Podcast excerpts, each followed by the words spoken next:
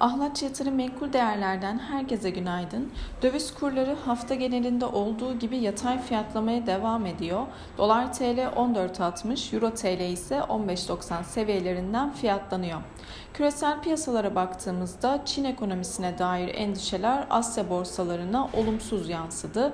Çin endeksleri devlet başkanının Covid-19 kısıtlamalarını savunan açıklamaları sebebiyle sert geri çekiliyor. Tesla'nın güçlü bilançosuyla Nasdaq yüzde vadeliler yüzde 0,70 artıda S&P vadelisinde de benzer seyirle alıcılı bir görün hakim diyebiliriz. Elektrikli otomobil üreticisi, üreticisi Tesla'dan beklentilerin üzerinde ilk çeyrek sonuçları geldi. Tesla'nın birinci çeyrek karı 3.7 milyar dolar seviyesinde gerçekleşti. Dolayısıyla Amerika'dan gelen güçlü bilançolar endeksleri şimdilik pozitif etkiliyor diyebiliriz.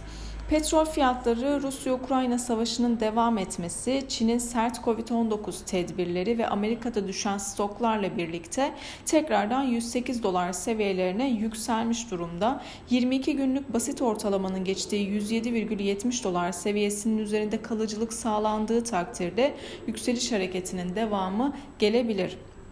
Ons altın ABD tahvil getirilerindeki yükselişle 1940 dolar seviyelerine kadar geri çekilse de artan enflasyon endişeleriyle birlikte tekrardan 1951 dolar seviyelerine yükselmiş durumda. Yurt içi piyasalara baktığımızda Borsa İstanbul dün günü %0,27 değer artışıyla 2525 puandan kapattı.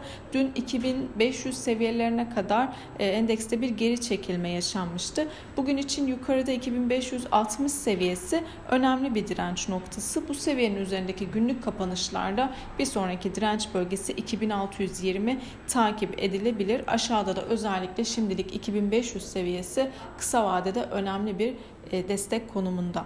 Bugün yurt içi piyasalarda tüketici güven endeksi açıklanacak. Yurt dışında ABD'de haftalık işsizlik maaşı başvuruları ve Euro bölgesinden tüketici güven endeksi takip edilecek. Herkese bol kazançlı güzel bir gün dilerim.